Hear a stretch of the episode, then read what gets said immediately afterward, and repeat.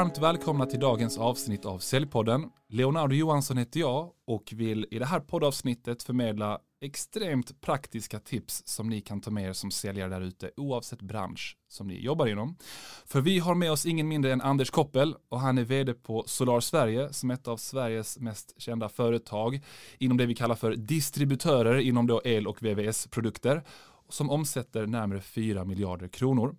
Och innan vd-rollen så har han jobbat som säljdirektör på flertalet företag och brinner verkligen för säljyrket. Vad definierar en toppsäljare enligt Anders? Vilka är de största misstagen säljare har gjort när de försökt sälja produkter och tjänster till honom? Och vilka är hans bästa säljtips? Dessa frågor och många fler ska vi få svar på i dagens avsnitt. Hur känns det att vara här? Jättefint Leonardo. Det är en ny miljö för mig. Ja. Det känns lite utvecklande och spännande. Ja, precis. Framförallt ska det bli kul att prata om försäljning. Ja, det är klart. Ja, men eh, riktigt, eh, riktigt härligt. Och, och berätta lite för lyssnarna vem du är med egna ord. För jag, jag har försökt söka upp massa information om dig på nätet men du, du, det är inte lätt att hitta någonting ska jag säga. Mm, nej, men jag är en eh, ganska jordnära kille, ja. eh, eller man, eh, och eh, som tycker om utveckling, jobbar med ledarskap och tycker om försäljning och göra skillnad mm. framförallt. Just det. Och se medarbetare utvecklas. Så jag är mm. gärna lite grann i bakgrunden. Ja, och det här med att se medarbetare utvecklas, upplever du att en ledare behöver vara med väldigt mycket liksom i det praktiska arbetet som sina medarbetare gör eller räcker det med att vara riktigt duktig på det strategiska? Nej, men jag tror det är en kombination. Mm. Det är bra att vara med medarbetaren ute, se i kundmötet framförallt för mm. att kunna coacha efteråt. Mm. Ja men just det, det är lite spännande för ni omsätter ju 4 miljarder kronor och då tänker de flesta där ute, hur kan en vd på ett företag som omsätter 4 miljarder kronor ha möjligheten att vara ute på kundmöten med sina säljare? men jag är väldigt eh, operativ mm. och eh, jobbar väldigt mycket med eh, försäljningen. Mm. Och eh, regioncheferna på installation el, de rapporterar till mig direkt så jag är i dagligdags i försäljningen faktiskt. Okej, ja. jättespännande. Men hur kommer du in på försäljning? Var fann du passionen för säljyrket? Ja, men, eh, det var en liten slump kan man säga. Mm. Jag jobbade som inköpare och eh, fick möjligheten 96 att bli försäljningschef och det var mer på grund av mina ledarskapsegenskaper man såg på den tiden. Och det var väldigt kul och jag kom till Norrköping på den tiden och jag hade aldrig jobbat med försäljning. Och för att visa då det här seniora teamet där så tog jag på mig ett antal kunder själv och gav mig ut för att prova på det ordentligt. Ja. Ja. Och hur gick det då? Ja, det gick bra, det var en väldigt spännande tid. Mm. Eh, givetvis gjorde jag en del misstag också. Mm. Eh, men eh, det lärde mig extremt mycket att vara ensam ute hos kund mm. och försöka hitta vägarna fram egentligen. Och kommer du ihåg något av de här misstagen som du gjorde på den tiden som du känner att det här jag kanske inte gjort om idag? Eller någonting som du tror att en typisk säljare som eh börjar inom säljyrket då gör? Nej, men jag tror att jag tog på mig lovade lite mycket. Ja. Eh, det är en sån klassisk, vi vill ju alltid väl. Mm. Och eh, ibland är det bättre att säga till, eller oftast, man ska alltid vara ärlig, säga till kunden, ah, men det här fixar inte jag. Mm. Eller, eh, eller kan inte jag framförallt, ja. utan jag behöver ta reda på det och återkomma. Ja. Och alla kunder är fine med att du inte kan saker. Men det är viktigt att komma tillbaka och ge återkoppling. Du, det här är så sjukt viktigt och någonting som jag inte tror att jag har pratat för mycket eller vi har pratat för mycket om i Säljpodden tidigare. Det är det, det du säger om att inte överlova. För jag träffade på en säljare eh, och nu köpte jag av den här säljaren i slutändan men det var för att eh, hen hade en så fantastisk produkt och den var så innovativ. Men jag upplevde, alltså det brast så mycket i förtroendet i processen för att jag upplevde att hen då gav eh, väldigt så snabba ja-svar på frågor som jag själv kände att det här kan de typ inte lösa. Eh, och jag minns själv när jag började som CRM-försäljare att jag lovade och överlovade lite ja. väl mycket. Och där raserar ett förtroende, alltså det kan rasera på en sekund, någonting som man har byggt upp under flera liksom, timmars möten. Eller hur? Ja, absolut. Och I och med att jag också jobbar, har bara jobbat i en business to business, mm. som jag också var tydlig med, det bygger mycket på återkommande affärer. Mm. Exakt. Så, att, eh, så, så, tänk på det säljare där ute, att sluta överlova, även en, en lit, ett litet, litet löfte som ni inte kan hålla eller någonting där du känner att ah, men det här vet jag inte riktigt om jag kan säga ja till. Strunta i det, säg istället jag ska återkomma, jag ska kolla med en kollega, det skapar ett mycket större förtroende i processerna. Jag tänkte fråga dig det här med ledarskapet, för att många av våra lyssnare är säljledare, vd, entreprenörer, men de allra flesta är säljare. Mm. Och många har ambitionen att bli ledare. Kan man kortfattat säga, men det här är liksom den viktigaste ledaregenskapen som jag, Anders, har sett hos duktiga säljledare där ute. Det finns säkert hur många som helst, men det är någonting som du kommer att tänka på. Nej, men jag tror eh, ledarskap handlar ju mycket om att vara närvarande mm. eh, och coachande. Mm. Också våga stå en halv meter bakom och låta individerna växa. Mm. Det är viktigt för mig. Eh, och det tror jag är eh, grunden också i ledarskapet och bygga förtroendet. Och det här det coachande ledarskapet, det är många som använder det som ett liksom, ganska brett begrepp och det är inte alla som förstår vad det faktiskt innebär. Men en av de här grundkomponenterna i det, det är precis det som du säger, att våga ta ett steg tillbaka, mm. låta säljaren göra misstag, absolut vägleda dem, men inte alltid hoppa in bara för att du känner att åh, här har jag en möjlighet att göra saker bättre och sen ge feedbacken efteråt. Så är det. Och vi alla gör misstag. Ja. Det ska vi också vara med, medvetna om. Alltså, ja, absolut. Um, jag tänkte på, är det någon liksom rolig säljstory du har som du vill förmedla i podden? Är det något sånt här minne som väcker extra starka så här, härliga känslor från ditt eget sälj, någon annan sälj eller någon som försökt sälja till dig? Ja. Jag kan gå tillbaka till när jag började då inom säljet. Ja. Eh, när jag gav mig ut själv och eh, jag började bearbeta en kund som inte handlade av oss då och eh, så tog jag reda på, okej, okay, men vad är skillnaden på oss och våra konkurrenter? Vad är vår USP? Det var att vi hade en senare stopptid än alla mm. andra. Då, när stopptiden hade passerat hos mina konkurrenter, och då ringde jag till den här kunden. Och jag ringde varje dag efter klockan fyra och eh, i tre veckor. Och eh, då kom man ofta till en kvinna som svarade, hon skötte ekonomin och så kopplade hon vidare till den här personen. Och så sa hon till mig efter tre du Anders, häng i nu, jag tror att du kommer igenom här nu snart.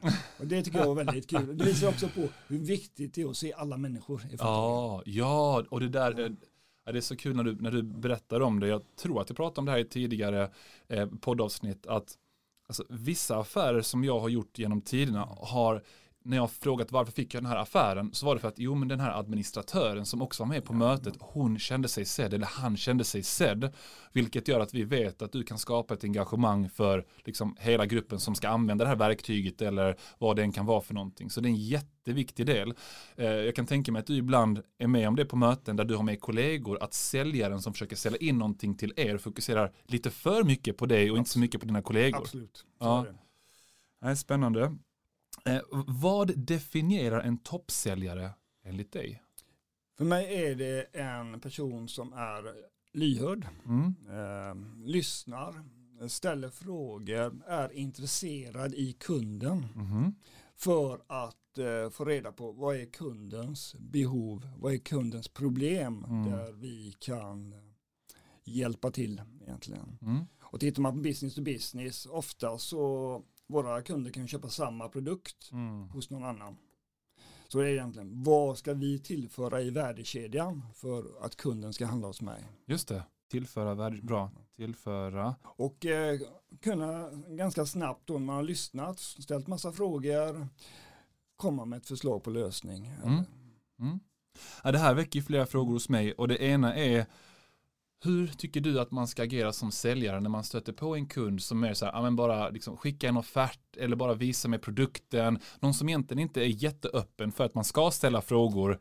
Hur tycker du att en säljare ska agera? Ja, men jag tycker ofta är det en väg in att man får vara med och förera. Eh, mm. Lämna ett pris, men eh, efter ett antal gånger, man kan bestämma är det fem eller sex gånger man har försökt, då tycker jag man faktiskt kan utmana kunden. Men är det verkligen någon idé att jag lägger mm. ner det arbetet? Utan då måste du ge mig något mer. Just det. Och det beror också på vilken bransch det är. För inom er bransch då kan man vara med fem, sex gånger och offerera. Medan andra ska man köpa in ett CRM-system eller något annat. Då är det så här, ja, men man byter inte det liksom vid Nej, första hand. Och, och, då måste man nog tänka på det där eh, redan från början. Ja. Och så här, okej, okay, behöver jag utmana kunden? när kunden vill ha en offert ganska tidigt i processen.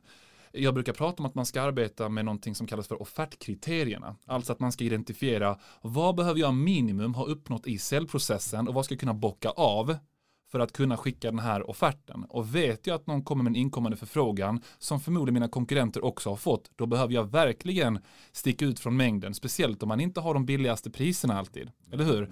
Och utmana kunden och säga, vet du vad, jag skickar mer gärna en offert till dig, men då behöver vi boka upp ett möte, för du måste förstå vad som särskiljer oss från andra leverantörer innan jag skickar en offert. Ja, men så är det va? Kan det funka i er värld också? Ja, eller? absolut, så är det. Och priset är egentligen det är en hygienfaktor numera. Mm. Och det har ju drivits av digitaliseringen för alla har ju koll på vad priset är egentligen. Ja. Utan det handlar ju mer om att kunna tillföra saker och kunna få ut något mer än konkurrenten. Ifall Ja. du kan vara lite dyrare och ändå få sälja, då tycker jag man har lyckats. Exakt. Exakt, och jag, jag pratar ofta i podden, jag tror att jag nämnde det i varje av, avsnitt, men det är för att jag verkligen vill att Sälj-Sverige ska förstå vikten av ehm, det budskap som förmedlas i liksom, the Challenger Sales Ja. Methodology som jag vet att du också känner Jajamän. till. Sen vet ju både du och jag att det kan vara en utmaning att implementera det, särskilt ifall man gör det på ett felaktigt sätt, för det, det, det är liksom ganska tung forskning bakom det och det är ganska lätt att göra fel. Till exempel det här med att du ska utmana kunden. Vissa säljare tolkar det som att, ja men när kunden Eh, alltså att nästan skapa någon typ av tuppfäktning och att det är bra för att, det, man för att i boken så står det att det ska vara lite obe, obekvämt, alltså det är okej att det ska bli obekvämt, men det handlar om att ödmjukt utmana kunden så att man inte förstör relationen. Och då kommer man till de här liksom motpolerna som ändå kan samverka. Spinselling eller det här med behovsanalys i världsklass och challenger sales. Yeah. Och, och jag tycker att du i din definition av en toppsäljare pratar om båda delarna. För att du pratar ju både om vikten av att lyssna, ställa frågor, men även att tillföra ett värde i värdekedjan. Ja men så är det och jag tror att eh, vi eh, införde Challenger Sales. Vi försökte med den eh, 2019 Mm. redan strax innan pandemin. Och det blev en liten krock internt Mm. också. För när man säger ja nu ska vi jobba enligt Challenger Sales-modellen. Mm. Då blir en del blir väldigt, ja, va, nej. Jag har jobbat med det här i 20 år, det funkar inte med mig. Men det handlar om att ställa frågor. Mm. Så vi behöver inte komplicera det så mycket. Och det blir också när man jobbar med ett projekt som Challenger Sales, det är klart vi som har jobbat med det under ett par månader innan vi ska implementera det, ja, vi är ju längre i förändringsresan också. Ja men exakt, Ja, exakt. då kommer vi tillbaka till ledarskapet. Okej, har jag med mig medarbetarna på resan? Mm, ja men exakt. Och, och, och min upplevelse av vad som särskiljer klassisk liksom, frågemetodik eller klassisk behovsanalys jämfört med behovsanalys som följer Challenger Sales-metodiken det är att man ofta inför en viss frågeställning kan berätta om en erfarenhet man har. Till exempel, typiskt sett för kunder som är i er situation som utvärderar olika leverantörer för den här typen av produkt. För dem är det superviktigt eh, liksom, att när det kommer till liksom leveranstiderna till exempel eller kvaliteten, livslängd, vad den kan vara. Eh, stämmer det även för er eller vad värderar ni i ett samarbete? Istället för att bara ställa frågan rakt upp och ner, eh, vad värderar ni i ett samarbete? För kan man både bekräfta att man har erfarenhet kring det och sen ställa frågan, då har man slagit två flugor i en smäll. Håller du med om det? Ja, det är helt med om det. Då tillför något. Ja men exakt, exakt. Eh, bra, du, jag tänkte att eh, i vår förintervju så berättade du om vikten av att bli mer ja, ska säga, digital som säljare och förbättra sina digitala ja, kompetenser och använda digitala verktyg och liknande. Men vi kan ju börja med din upplevelse som du hade för ett par dagar sedan tror jag om det här hotellet i Stockholm. Så ska jag dra en liten parallell eh, Ja, till säljvärlden. jag. Ja. Jag ska till Stockholm nästa vecka och eh, då ringde jag hotellet för att kolla ifall jag hade parkeringsplats i garaget och då svarade hon tjejen, "Ja, vad heter du? Ja, jag heter Anders Koppel. Ja. Jo, du Anders Koppel, det är väl du som vill ha en elplats till din bil? Ja, sa jag. och jag fick en otroligt bara känna, wow, hon har sett mig, hon Ja. vet vem jag är. Och det är helt klart att hon har ett CRM-system som stöttar det.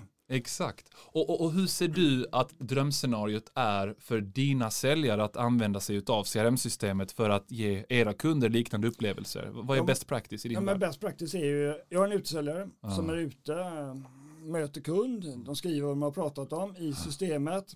Sen så ringer kunden kanske in till en innesäljare. När innesäljaren svarar så kommer CRM-systemet upp och det ser han vad de pratar om senast. Ja. Det behöver inte vara svårare än så, Nej. eller hur? Och i er verksamhet och verklighet så är det ju så att det finns flera olika personer som kan ha kontakt med en och samma kund. Jajamän. Och för de verksamheter som jag jobbar med att utveckla inom då försäljningen, eh, då kan jag ibland stöta på motargumentet, "Ja, men jag känner ju min kund, jag har ju koll på min kund och liknande. Men det var ett företag jag hjälpte, jag vet inte om jag får nämna deras namn, men då gjorde de anonyma undersökningar efter varje kundmöte och även varje säljprocess och såg att även om det var en och samma person på företaget som hade kontakten så fick de säljarna som var bäst på att regga i CRM-et de fick en mycket högre, vad ska man kalla det för, kundnöjdhet eller score på det här med att kunden har verkligen förstått oss, lärt känna oss och lyssnat på oss, vilket gör att vi är lojala kunder till er idag. Så att man ska inte heller överskatta sin förmåga som säljare att komma ihåg allting som har hänt i en kunddialog, utan om du bara skriver ner de här små viktiga detaljerna i CRMet och återupprepa det för kunden så känner kunden, alltså bara där kan du särskilja dig jämfört med konkurrenter. Absolut. Eller hur? Helt klart. Det är så enkla medel. Jajamän. Ja. Varför gör inte alla det här då? Nej, men jag tror, precis som du säger, eh, många säljare, men jag känner min kund bäst. Mm. Jag vet vad kunden behöver. Och ibland är det kanske också så att säljaren försöker bygga ett eget bolag i bolaget Just det. och inte använder de hjälpmedel som bolaget har att tillgå egentligen. Va? Mm. Och göra vardagen mer bekväm. För det är faktiskt två bolag som gör affärer med varandra. Ja, exakt. Du, en annan sak jag vill fråga dig om det är det här med digitala jämfört med fysiska möten. Jag kan dra en liten parallell här till, till mina erfarenheter när jag började använda digitala möten. Och det var 2012 eller 2013 och då var det inte jättepoppis kanske med digitala möten på samma sätt som det är idag. Vad vi märkte av på det här företaget var att vi hade en betydligt lägre hitrate. Alltså det var svårare för oss att sälja i digitala möten, men det var mitt motargument. Jag vill ändå göra det här för att det kan effektivisera och jag kan få mer och fler möten. Men då var det en säljare på företaget som jag också såg upp till som sa så här, vet du vad, jag ska inte ha ett enda digitalt möte. Det spelar ingen roll om kunden sitter uppe liksom i de norrländska skogarna. Då åker jag hellre dit för det påverkar min hitrate så pass mycket. Och vem fick rätt? Men både han och jag hade rätt för att liksom, jag fick en lägre hitrate men eh, fler möten och han fick en mycket högre hitrate men färre möten med mer så här, fysiska möten.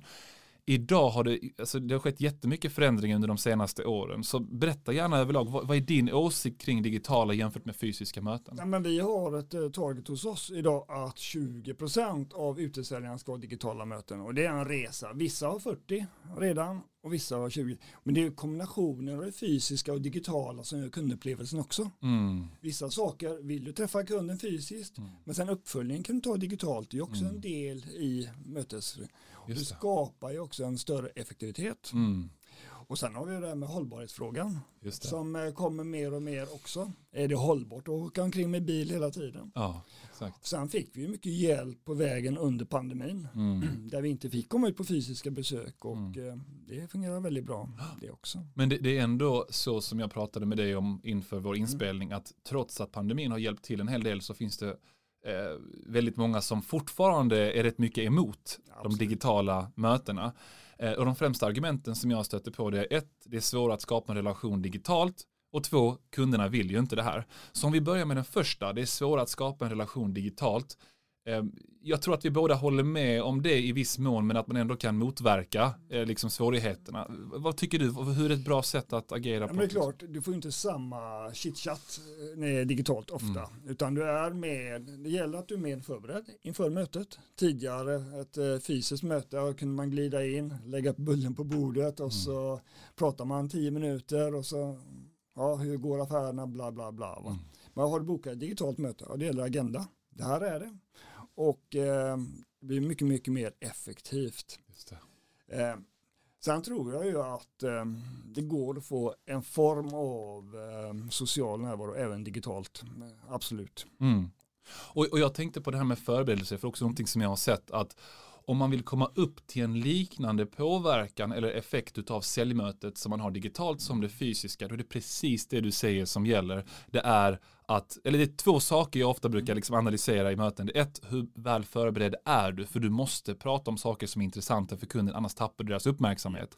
Och sen finns det en annan faktor som du måste göra mycket bättre än, än i ett fysiskt möte. Och det är att hela tiden se till att kunden är med och fokuserad, att involvera dem i dialogen, vilket ställer ökade krav på din förmåga som säljare att ställa rätt typer av frågor. Så är det. Eller hur? Så att du tappar dem. Ja men precis, så att eh, ja, bra att vi är överens om, Ja, om den punkten. Eh, finns det något annat du tänker på när man säger att säljare behöver bli bättre på det digitala? Ja, men jag tror att man ska inte vara rädd för det. Mm. Det är inte så att eh, de kommer förlora jobbet tack vare att det blir mer digitalt utan det här är ju mer hur kan vi nå fler kunder? Just hur det. kan vi använda våra hjälpmedel för att bygga en bättre kundupplevelse. Mm. Det är det allting handlar om. Just det. Och tittar vi på oss som privatpersoner, jag relaterar ofta till mig personligen, ja, privat så är vi mycket, mycket mer digitala än vi var för tio år sedan. Ja. Och det är våra kunder, det är privatpersoner som går den vägen. Så att när man kommer till jobbet, det är fullt normalt. Jag Ja. tycker också det att med mindre typ installatörer är inte så digitala, men även under pandemin, de hade ju byggmöten som var digitala. Ja. Så att de, eh, Och jag tänker på det här med mindre installatörer för er del Mm. eller de säljare som tänker på det här andra argumentet mm, att varför vi inte ska ha det, kunderna vill ju inte det. Någonstans så är det så att de flesta, även min mamma på 75 år, sitter på Facebook och Instagram och allt möjligt så länge vi, vi betryggar kunden om att det är enkelt att ansluta till ett möte eh, och att liksom what's in it for you, vad tjänar du på det? Och, och att du inte är osäker eller själv tycker att, och, och att det liksom genomsyrar ditt tonläge, att du inte gillar det här egentligen, då kommer du få de flesta, även de mindre installatörerna, att gå med på att ta ett digitalt möte. Sen kan ett digitalt möte också vara ett bra sätt att kvalificera att det är värt att springa på de fysiska. ja men så är det absolut. Och du får också möjlighet som säljare att träffa mycket fler kunder. Ja, exakt. Ett annat tips när det kommer till digitala möten är att försöka lämna en extremt tydlig cliffhanger inför ett nästa steg. För kravet som en digital säljprocess ställer på dig jämfört med en fysisk det är att liksom kundengagemanget det är lätt att det blir lite lite mindre eller lägre än i en fysisk process. Alltså det är lättare för dem att säga nej. Men ju fler kontaktpunkter du har med kunden i processen, alltså ju fler möten, träffar du har med dem, desto bättre är det. Och för att få till ett bra nästa steg så gäller det att ha en bra cliffhanger. Grymt. Eh, Jag tänkte på en annan kund eh, som jag var ute hos igår faktiskt, som heter Key Logistics inom då logistikbranschen och hjälper företag frakta, frakta saker från Kina och allt möjligt över, över hela världen. Och eh, på tal om digitala verktyg, för det var den mest positiva kunden jag någonsin har stött på när det kommer till att använda sig av video i sin säljprocess. För jag, är- jag är typ livrädd för att pitcha det tipset även om jag vet hur viktigt det är, särskilt i en väldigt konkurrensutsatt bransch. Jag skulle till och med vilja säga så här och utmana, utmana dig Anders, det låter ju så konstigt, men att om era innesäljare varje gång som de skickar iväg en ny offert till någon, framförallt om det är någon som det kommer en inkommande förfrågan, du vet att era här, härliga konkurrenten kommer med i bilden, skicka iväg en videooffert istället för en, liksom bara ett mail. Eller åtminstone skicka iväg en riktig offert på mail och så här, men komplettera det med en video. Till exempel via ett eh, verktyg som heter Vidyard Go Video som är ett gratisverktyg. Okej. Det finns också Loom, det finns eh, VAM och allt möjligt där ute som också har en gratisversion. Som då innebär att man med ett knapptryck i sin Google Chrome webbläsare, i sin internetsida, man klickar på en liten grön symbol, du spelar in dig själv och din röst och till och med din skärm om du vill. Och så säger du något sånt här till kunden. Du, eh, ja, men, Hej Margareta heter jag och tänkte skicka iväg den här offerten till dig. Eh, ja, men jag, vill bara, eh, jag vill bara förmedla i den här korta videon det som de flesta kunder uppskattar med att välja oss som leverantör eh, när man pratar med företag i er storlek. Och det allra viktigaste är följande, den personliga kontakten. Och det är precis därför jag skickar iväg den här videon om det nu är den personliga kontakten. Och då tänker du så här, ja, skulle jag verkligen kunna få mina innesäljare att göra detta? Jag vet inte, kanske, kanske inte, men hade det skapat en effekt? Jag lovade även ehm, Börje, eh, 73, som är en liten installatör, skulle vara så, oj, vad är det här för någonting?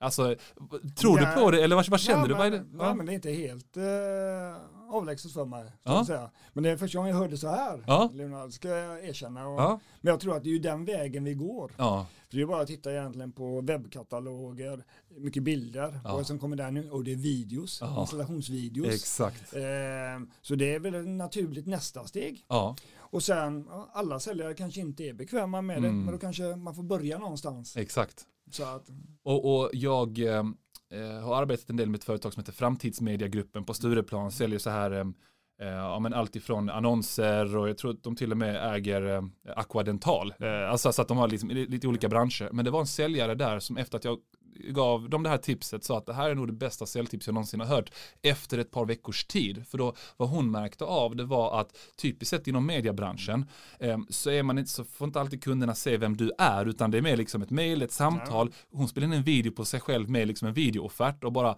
jag har gjort det här vid flertalet tillfällen. Jag har aldrig fått så bra respons tidigare på något jag gjort. Så att jag tror verkligen det skulle funka för er. Nu märker jag att jag säljer, Ja, ja, jag, jag ja. försöker sälja in ett tips ja, till dig det här. Ja. Vi är öppna för utveckling också. Ja, det var bra, det var härligt. Och det var det här jag kände, ja. på tal om Key Logistics, att det var första gången jag såg en hel säljgrupp där alla bara, det här ska vi använda. Ofta brukar jag få liksom stångas blodig där och svettas för att övertyga folk om att göra det. Sen så ska de göra det i praktiken också, det vet ju du att det är nästa utmaning. Ja. Men det är ledarskapet. Ledarskapet och uppföljningen, exakt. Okej, jätteintressanta diskussioner här.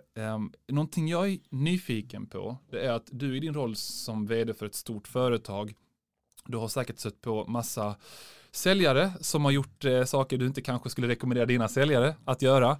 Så berätta gärna, vilka typiska misstag ser du att säljare gör där ute som ja, har olika konsekvenser? Ja, men jag tror vi lever i en eh, förändrad marknad mm -hmm. och just det här, jag tror du nämnde det tidigare också Leonardo, att man tror man vet allting om kunden. Du kanske haft en relation i tio år och man kommer och gör besöket digitalt eller mhm. fysiskt. Mm. Jag tror det är viktigt att ställa ändå frågor om vad är det, hur utvecklas kundens företag? Ah. Vad har de för nya utmaningar? För det kommer hela tiden. Eh, och det kan jag uppleva ibland när jag har gjort sambesök med säljare. För då känner inte jag till företaget så mycket. Då kan jag ju ställa alla, alla dessa ja, dumma frågor. frågor. Ja, precis. Ja. Man ser ju också att eh, de man möter vill gärna prata om sin, det är ju en stolthet. Oh. För de bolag man jobbar. Och då får mina säljare lära sig saker, ja, vi kanske anställt några personer inom det här området eller Ja men och det har flera effekter ju. Alltså den ena effekten det har det att man visar att man bryr sig. Ja. Eh, det andra är att man kan få nys om fler möjligheter. Och det tredje är att man, eh, vad ska jag säga, gnuggar deras stolthet ja. höll jag på att säga. Men, ja, konstiga uttryck här ja, i podden, man hittar på sina egna. Men du förstår hur jag menar. Och eh, men jag tror också att säljare ofta får höra, ja men ställ inte de självklara frågorna eftersom allt finns på nätet och kunderna kan bli frustrerade. Och jag tror att om man vill safea där, alltså vara ganska säker, då kan man säga, du jag läste det här om er på nätet, men är det så att ni ska expandera även liksom på den här och den här marknaden, eller berätta hur ser utmaningarna ut för er just nu, då blir det inte bara en allmän sån oh, det här har du kunnat liksom söka upp på nätet, det blir mer att, har du gjort din research och det här ledde till din nyfikenhet, då är det två flugor i en smäll. Då är du intresserad. Exakt, exakt. Ja men coolt. Eh, är det några andra misstag som du har sett att säljare gör? Nej, nej men ska jag inte egentligen säga. Det, det är man tar saker för givet. Ja, ta saker. Det, ja. ja. Att det här kunden kommer jag få, den här affären. För då, då gör du inte det sista, tar du inte de sista stegen mm. som gör skillnad. Ja, just det. Just det. Det, här, eller, det här är min kund. Ja, okay. ja exakt. Det är en öppen marknad. Ja, exakt. Exakt.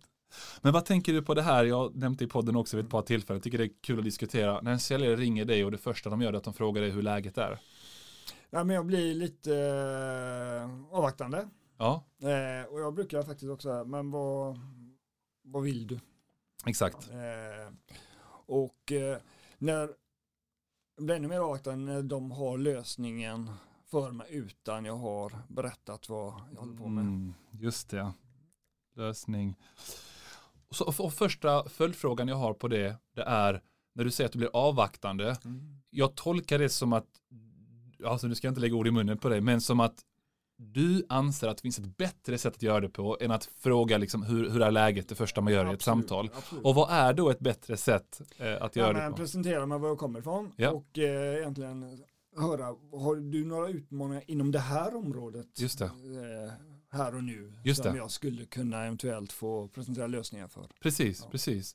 Och det enda motargumentet jag har på det, och det här vill jag gärna bolla med ja. dig, det är att jag brukar rekommendera folk som ringer kalla samtal att inte ställa för många öppna frågor i det inledande samtalet. Och anledningen till det, det är inte att man inte ska få kunden att känna att man är nyfiken på deras business, utan därför att när du ringer någon så är de ofta lite stressade eller har massa annat att göra eller har ganska dåliga erfarenheter av säljare som ringer, speciellt om man har en eh, liksom högre position. Och där vill ofta personer man ringer till att det ska vara kort, koncist, ska komma fram till vad det är det gäller, att man ska få en, upple- alltså man ska få en bild av är det här intressant eller inte.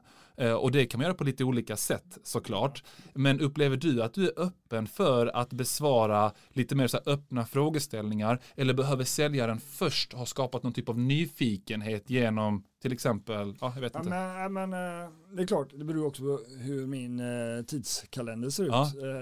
Det kan också sälja en fråga passar jag att ta det här nu eller ska jag komma tillbaka? Just det. Det är ju ganska bra. Och säger jag att ja, men du kan ringa tillbaka då och då, ja, ja. då är jag också mer öppen när det Just samtalet det. kommer från början. Ja, exakt. Sen tror jag också det är viktigt, okej, okay, men vad är våran USP? Vad är det som särskiljer oss i förhållande till våra konkurrenter? Exakt. Exakt. Då blir man ju lite mer nyfiken. Ja, och, och jag tänkte på det här, jag, jag, jag gillar att utmana mina gäster så jag ska utmana ja. en gång till. Det här med nu eller ringa tillbaka. Jag tror, jag gissar på att du är en person som om du ber någon att ringa tillbaka så kommer du ge dem en chans att lyssna på dem. Ja. Eller hur? Ja. Specifikt, och då känner du att de respekterar din tid. Ja. Men och det är jag, också min respekt för, för deras tid. Ja. ja. Men men min analys på 1200 inspelade mötesbokningsförsök visar på att det generellt sett är bland det sämsta man kan göra i ett samtal. Nu ser inte jag att det alltid är så, för att det finns folk som är som du och beslutsfattare som tycker, åh vad gud, vad, vad bra att de respekterar en. Men de allra flesta där ute, baserat på den här analysen, när, de, när man frågar, ska jag ringa nu eller tillbaka, väljer ring tillbaka, skriver in att det här är en säljare på telefonen och, och liksom inte ger dem en chans igen. Men jag håller med om att man måste visa respekt för personens tid. Ja. Eller hur? Det värsta man vet kanske det är när någon bara ringer och babblar på hur mycket som helst och bara, ah, men jag har inte ens gett dig tillåtelse, Nej. det låter lite fel, men att prata med mig just här och nu, ja. eller hur? Uh, så att då kanske man tänker ute, vad kan man göra istället? Jag har nämnt det i podden tidigare, men jag ska, jag ska slänga fram ett förslag här. Mm. Så ska vi se om Anders han eh, nappar på det. Så vad jag skulle rekommendera att man gör i inledningen av ett samtal när du ska ringa upp en ny beslutsfattare du inte pratat med tidigare, det är att säga något i stil med ja, men, hej det var Anders, hej Anders, Leonardo heter jag och ringer från Lion Competence. Och så brukar du säga ja okej okay, hej, ja. typ sådär, ja lite så här, eller så här, ja eller vad gäller det i värsta fall, men säg att du säger, och då säger att du, jag läste på er hemsida att ni, eller du, jag läste en artikel om er, alltså någonting jag hänvisar till och sen så säger jag, vilket fick mig att vilja bolla en idé med dig, lite kort, eller att vilja bolla en idé med dig på en minut. Och sen så är jag helt tyst och kör en liten silent close. För att den där, efter jag sagt det, om du då säger okej, okay, då tolkar jag det som att du har gett mig tillåtelse att prata vidare. Så det är ett sätt, jag vet att du ser lite tveksam ja, ut nej, kanske, nej, nej, eller du bara funderar, jag funderar. kanske. Ja, Absolut. för vad jag har sett, alltså i de här testen som jag gjort på den här biten, det är att um, när man gör det på det sättet, då har man ännu inte avslöjat vad det är man säljer för någonting, men man har förhoppningsvis väckt en nyfikenhet och man har fått personen att känna att jag har inte bara ett namn på en lång lista, och sen säger man inte rakt upp och ner ringer jag stör utan man säger att det här har vi velat göra och sen är man tyst och när du säger okej okay, så är det som att alright kör på så länge det bara tar en minut. Japp. Ja, men det, ja. Den var bra. Det var bra. Den ja, men tack, jag fick godkänt ja, av en fyra miljarders eh, vd liksom. Jag, nu känner jag mig stolt. du vet, jag är lite bekräftelseorienterad ja, som du märker här, så att det, det är bra. Någonting som jag hade velat fråga dig kring, det är det här med att vara en rådgivande säljare. Mm och att vara, ja, vad ska man säga, trusted advisor kallas det för på engelska. Um, och en del av det som både an, eh, alltså nämns i Challenger Sales men även i andra så här, studiebaserade säljmetodiker det är att våga prata med kunden om kundens olika alternativ. Mm. Okej? Okay? Yep. Och, och, det kan man göra, alltså vet man då att okej, okay, jag har faktiskt en konkurrent som är lite bättre på de här bitarna, men vi har ändå rätt nöjda kunder på det, då kanske det är att man skjuter sig själv lite grann i foten. Men bara överlag, vad är din bild av att försöka gå så pass långt i den rådgivande rollen som säljare att man till och med vågar prata med kunden om dens olika alternativ utan att gå in på detaljer om vad konkurrenterna erbjuder. Ja, men det tror jag är eh, bra egentligen. Mm. Eh, för att då kan du ändå, ja men vi har en okej okay lösning. Och finns det en bättre, eh, och det är ju inte säkert att det kan finnas utanför branschen också. Mm. Eh, då tror jag det, det bygger förtroende framåt. Och nästa gång kunden eh, är, är ett problem, ja då kanske han ja, Anders ska ringa. Han ja. var ju väldigt fair förra gången. Ja, absolut. Och jag, mm. jag skulle säga det också att det var, eh, det var ett företag inom rekryteringsbranschen som jag hjälpte. Och då var det en säljare som var så här nästan, eh, eh låter kanske fel, överdrivet relationsorienterad. Så han i det här fallet var så här, om jag inte upplever att vi har den bästa lösningen för kunden, då ska jag berätta det för kunden och till och med rekommendera dem vem de ska kontakta av våra konkurrenter. Och vid flera tillfällen när han gjorde det, bara, men vet du vad, vi kan göra ett bra jobb här, men vi har nog en konkurrent, en av de som du kanske kommer titta på också, som har ännu mer erfarenhet av att rekrytera personal liksom, med den här biten. Eh, så kanske bör du kolla på dem. Och när han gjorde det, då var det nästan som att allting vände. Alltså, då ville de köpa av honom ännu mer, för då sa de så här till honom, ja men vet du, även om de har mer erfarenhet. Bara att du säger det här, det inger ett sånt förtroende och sen har jag känt av ditt engagemang i processen på ett annat sätt och ditt engagemang värderar vi högre än den här extra erfarenheten. Så att lite omvänd psykologi höll jag på att kalla det för, men det kan också funka och mer långsiktiga eh, affärer. Bra. Du, är det något annat som du tänker på som är så här, ja, om jag stod framför en publik på 1000 säljare och skulle förmedla ett riktigt bra säljtips eller en visdom, någonting som du kommer att tänka på. Är det något annat du känner att men det här är viktigt för säljare att, att Men veta? jag tror jag, då, då ska du som säljare tänka på att använda de hjälpmedel som företaget tillhandahåller Ja. för att du ska lyckas som person. Och gå ur din comfort zone Ja. för att våga testa på Ja. det. Ja. Grymt, på tal om digitala verktyg. Jajamän. Ja. Men du, om man vill ta kontakt med dig eller med Solar, hur gör man det och varför gör man det? Ja men eh, LinkedIn, Ja. eh, vill man handla grejer, nu är vi business to business och då är det ju kontakta Solar och vår säljorganisation så Ja. kommer vi hjälpa er garanterat. Jättebra, jättebra. Och då är det Anders Koppel, eh, jag tror att han är den första som du Japp. eh, stöter på när du söker där på LinkedIn.